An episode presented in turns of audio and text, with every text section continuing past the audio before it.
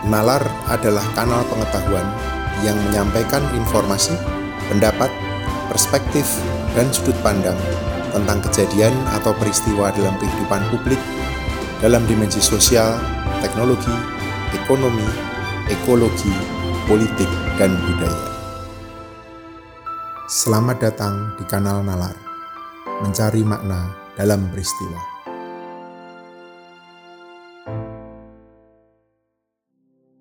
Saudara-saudara, tahun 1998, rejim otoritarian Orde Baru tumbang. Pembaruan di berbagai bidang dilakukan di seantero negeri. Reformasi dimulai.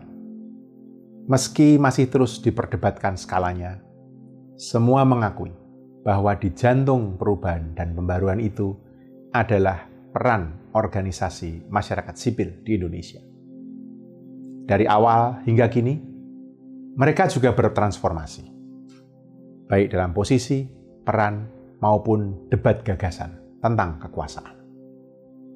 Kini, setelah 23 tahun lebih reformasi berjalan, seperti apa organisasi masyarakat sipil kita mengawal perubahan dan pembaruan negeri? Apakah perannya makin signifikan atau justru irrelevan dalam dinamika perubahan zaman? Pertanyaan ini penting dijawab karena nampaknya makin mendesak untuk melihat kembali jalannya hidup bersama kita sebagai bangsa dan praktek kekuasaan para penyelenggara negara. Saudara-saudara, dalam tulisannya Mentereng di luar, remuk di dalam. Dimuat di Kompas 10 November 2021, Buya Safi Ma'arif memberikan kritik keras atas situasi hidup bernegara saat ini apa yang terlihat megah di permukaan, di dalamnya rapuh dan berantakan. Bagi Buya, situasi ini bermuara pada lemahnya birokrasi. Tapi, bagi Bivitri Susanti, ada masalah yang jauh lebih mendasar.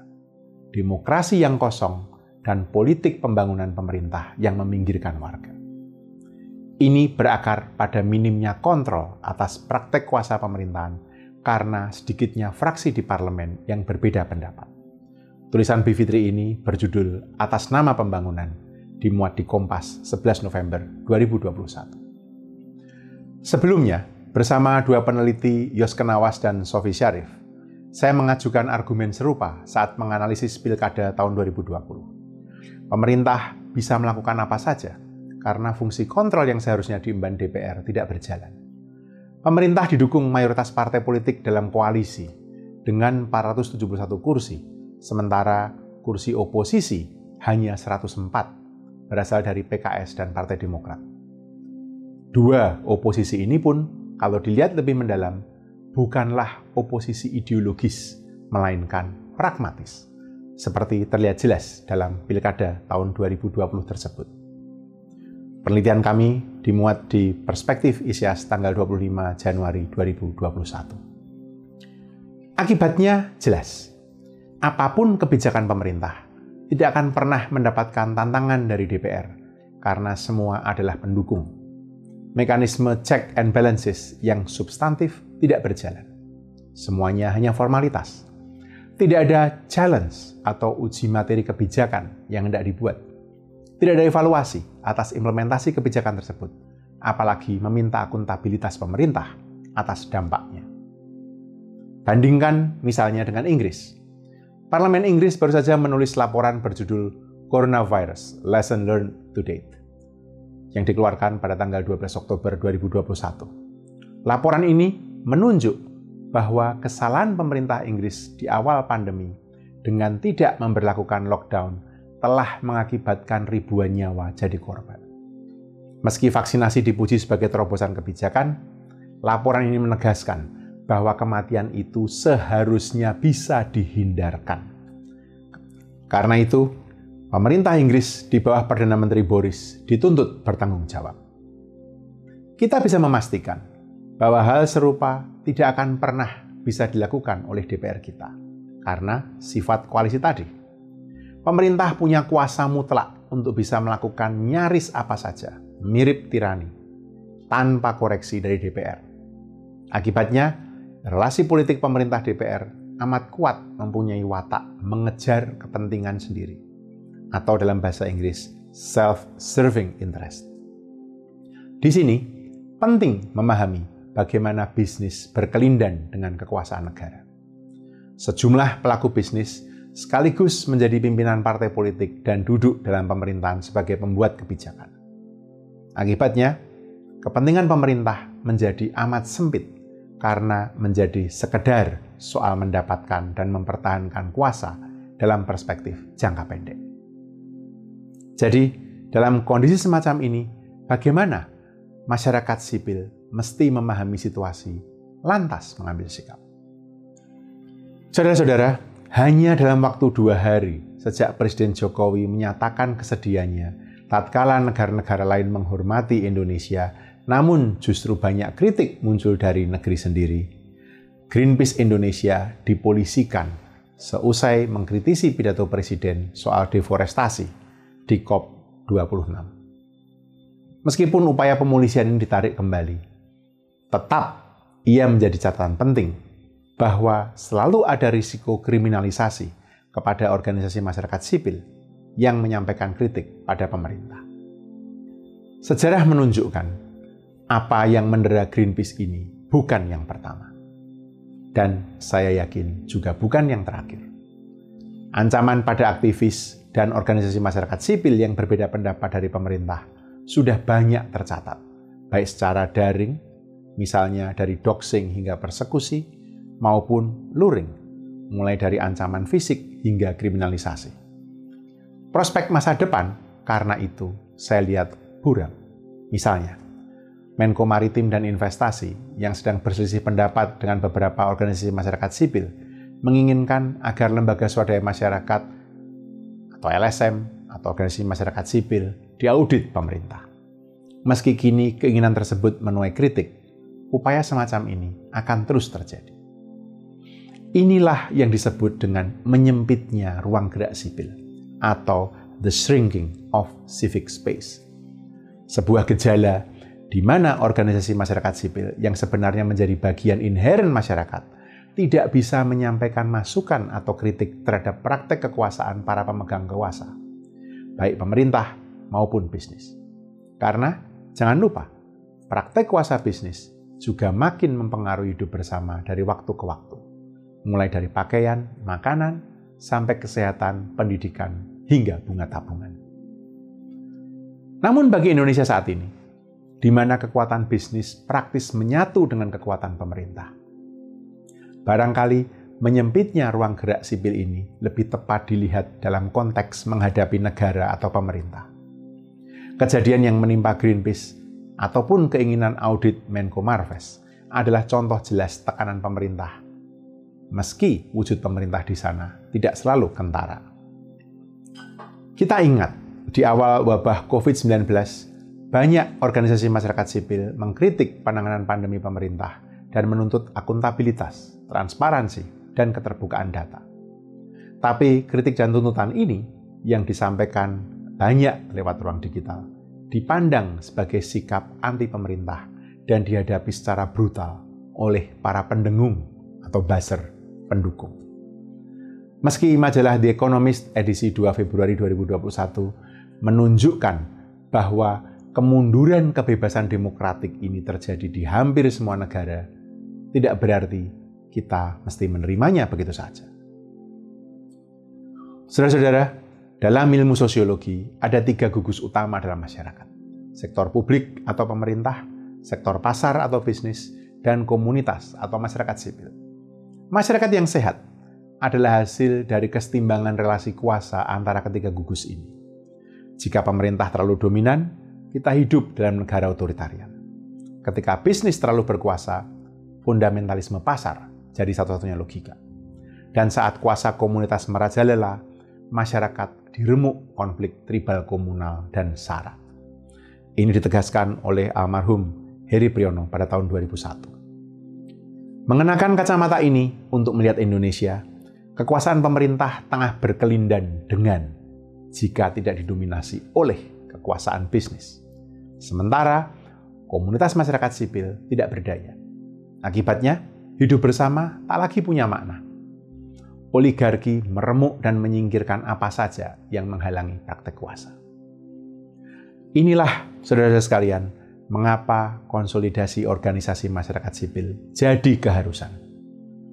Untuk mengembalikan kesetimbangan relasi kuasa pemerintah, bisnis, masyarakat sipil. Tapi, hal itu tidak akan bisa dilakukan jika masyarakat sipil sendiri tidak terorganisir. Tentu akan berbeda dampaknya jika hanya satu organisasi menyampaikan kritik atau tuntutan pada pemerintah atau bisnis, dibandingkan jika disampaikan oleh koalisi organisasi masyarakat sipil. Apalagi jika kritik atau tuntutan itu dikelola menjadi tekanan publik. Pertanyaannya, bagaimana melakukannya? Satu, organisasi masyarakat sipil harus duduk bersama merumuskan apa yang mau diperjuangkan, yakni pemastian dan pemajuan perkara-perkara publik. Karena itulah alasan adanya masyarakat sipil. Misalnya, kontrol atas praktek korporasi lewat audit sosial, akuntabilitas bisnis, redistribusi kesejahteraan, integrasi perlindungan sosial, memastikan tersedianya layanan dasar seperti air, kesehatan, dan pendidikan berkualitas, dan lain-lain. Daftar ini masih panjang, apalagi jika organisasi masyarakat sipil mau melawan watak akumulasi laba korporasi sekaligus menghadapi sifat otoritarian represif negara. Dua, berfokus pada substansi. Yang tidak diperlukan adalah ritual-ritual yang menjadi jargon kosong, seperti deklarasi atau pernyataan tanpa tindak lanjut. Yang dibutuhkan adalah platform untuk menentukan ke mana organisasi masyarakat sipil bergerak. Misalnya, tanggung jawab ekologis, keadilan sosial, hak asasi manusia, demokrasi, dan lain-lain. Dan apa yang dilawan? Contoh, kemiskinan, ketidakadilan, rasisme, privatisasi serampangan, konsumerisme, dan lain sebagainya. Dan yang ketiga, lantas mengidentifikasi komunitas, kelompok, atau organisasi masyarakat sipil, baik di tingkat lokal maupun nasional, yang bekerja dalam isu serupa dan menghubungkan mereka. Saudara-saudara, konsolidasi seperti ini mutlak karena ruang gerak sipil yang menyempit sebenarnya bukan hanya karena tekanan pemerintah atau bisnis, tetapi juga karena masyarakat sipil sendiri tercerai-berai. Apa yang terjadi pada politik pemerintah yang diremuk motif self-serving interest tadi sebenarnya juga terjadi dalam masyarakat sipil. Organisasi masyarakat sipil makin jarang bertemu mempertajam gagasan dan mendebatkan pemikiran dan pendekatan, tapi malah makin sering rebutan donor dan saling sikut, saling mengkapling isu.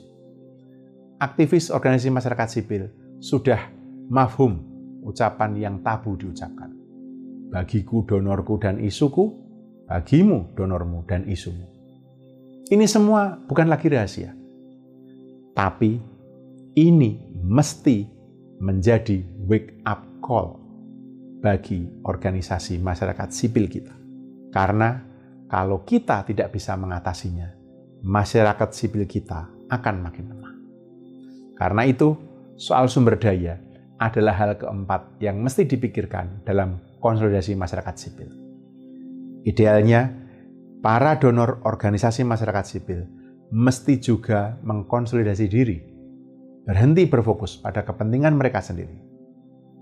Saat Indonesia duduk di presidensi G20 ini, ada inisiasi C20, Civil Society anggota G20, yaitu ajang bertemunya organisasi masyarakat sipil dari negara anggota G20. Para donor global juga akan bertemu di situ. Ini bisa dimanfaatkan sebagai momentum konsolidasi. Apakah ada cara lain selain donor? Ada, dana negara. Kalau partai politik saat ini bisa didanai negara untuk menekan money politics dan menuntut akuntabilitas mereka, mengapa pendanaan organisasi masyarakat sipil oleh negara tidak bisa menggunakan logika yang sama? Di sejumlah negara maju, organisasi masyarakat sipil mendapatkan anggaran negara dan mesti akuntabel terhadap pemerintah. Tapi jelas, memberikan anggaran tidak berarti mengendalikan. Saudara-saudara, menuju tahun politik 2024, masyarakat sipil dan organisasi masyarakat sipil akan kembali dilirik dan ditarik mereka yang mau berkuasa. Dan sama seperti tahun-tahun politik sebelumnya, organisasi masyarakat sipil hanya akan menjadi penari latar dan penggembira kalau ia gagal mengkonsolidasi diri menjadi penjaga kepentingan warga. Karena itu, konsolidasi organisasi masyarakat sipil jauh lebih penting dari sekedar soal rebutan kekuasaan. Ia perlu untuk menjaga aspirasi dan tekad atas hidup bersama yang lebih bermartabat. Karena apa pun cita-cita kemajuan Indonesia masa depan, ia tak mungkin dicapai dengan membiarkan berbagai wilayah kehidupan remuk berantakan karena kepentingan yang saling meniadakan. Terima kasih sudah mendengarkan podcast ini. Semoga kita bisa menemukan makna dan pemahaman yang lebih dalam bersama Natal.